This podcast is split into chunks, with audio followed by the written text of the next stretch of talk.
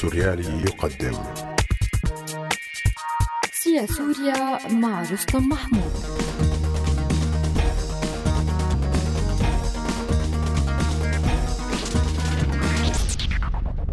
قمة رباعية بأربعة عبارات بائسة. لم يظهر السوريون اهتماما يذكر بالقمة الرباعية التي عقدت في مدينة إسطنبول منذ يومين بين زعماء تركيا وروسيا وكل من ألمانيا وفرنسا بالرغم من أنها كانت مخصصة للشأن السوري. عدم مبالاة السوريين تأتت من إحساسهم العميق بعدم جدوى مثل هذه القمم التي عقدت الكثير منها من قبل ولم تجترح تغييرا ولو بالحد الأدنى في سياق الحدث السوري الذي يظهر دومومة وصلابة في مساره يتجاوز كل مرام وعبارات اللباقة التي جادت وتجود بها كل القمم واللقاءات التي عقدت لأجلهم طوال السنوات الماضية. قمة اسطنبول لم تخرج عن إطار الالتزام الأدبي من قبل القوى الدولية والإقليمية بالمسألة السورية وفي مغالبتها لمصالحها القومية وحساسيتها الأمنية على أي التزام بمصالح وتطلعات السوريين ومسألتهم.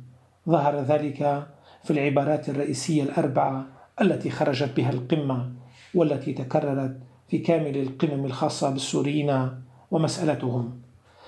إذ أكد المجتمعون على أن الحل في سوريا سياسي وأنه يجب أن يدفعوا السوريين للتفاوض والاتفاق وتحديد مستقبل بلادهم. هذه العبارة المجردة والفوقية الباردة التي يقولها حتى بشار الأسد نفسه لو لزم الأمر. إذ لم يحدد المجتمعون على ما قد يعنيه هذا الحل السياسي ولا الآليات والأطر التي ستجري فيها هذه العملية. لكن قبل ذلك لم يسموا ويحددوا الطرف الذي يعيق ويمنع هذه العملية السياسية أو الذي فعل بسوريا والسوريين كل الذي جرى. فقط كي لا تجري ولا, ولا يندرج في عملية سياسية ما أيا كانت شروطها المجحفة. كذلك ذهب المجتمعون إلى أن محاربة الإرهاب أولوية مطلقة في المسألة السورية. هذا المنطق الذي يوحي ويؤدي مباشرة إلى أن المسألة السورية أولا هي مسألة أمنية وعسكرية وبالتالي نسيان وتهميش السوريين وحقوقهم وتطلعاتهم المشروعة.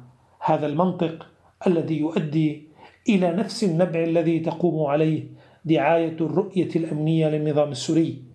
التي تقول بأنه ثمة جهة ما مركزية تحارب الإرهاب في هذا البلد وأن القوى الإقليمية والدولية يجب أن تدعم هذه الجهة التي هي النظام السوري وأن تغض النظر عن سلوكياته وإجرامه تجاه السوريين الذين يغدون حسب هذا المنطق. هم الإرهاب الذي يجب أن يحارب. الأمر الثالث في القمة هو الدعوة إلى تهيئة الظروف لعودة اللاجئين السوريين إلى ديارهم. هؤلاء الذين يستشعر العالم بثقلهم أكثر من أي شيء آخر يريدون التخلص من أثرهم المالي والسياسي حيث يمكن لموجات منهم أن ترفع من أسهم التيارات اليمينية المناهضة لهم ويمكن لصور البؤس المنتشرة عنهم أن تمزق إباء الكبرياء الإنساني. الذي يدعونه. تسعى هذه القمم إلى إعادة السوريين إلى معسكر الضبط الأسدي بالشروط القديمة التي كانت شيء بسيط من الأمان العام مع فقدان تام للحقوق والحريات والمساواة الاجتماعية مع الطبقات الملتفة حول النظام الأسدي أي بنفس الشروط التي أدت لاندلاع الثورة السورية في وجه مثل هذه الظروف. أخيرا فإن القمة أصرت على أن السوريين هم الطرف الوحيد المخول لتحديد مصيرهم. دون أن يتم تحديد الآليات والطرف الذي يعيق قدرة السوريين على امتلاك الحد الأدنى من حرية تحديد المصير. لكن قبل ذلك فإن المجتمعين في مثل هذه القمم هم أول من يمنع السوريين ويعيق قدرتهم على تحقيق ذلك. فهذه الدول تعطي الأولوية لمصالحها وأمنها القومي الذي فيما لو كان متعارضا مع حق السوريين في تحديد مصيرهم فإنها تدوس ذلك المصير. ولا تختلف الدول الأوروبية في ذلك عن تركيا وحتى عن روسيا.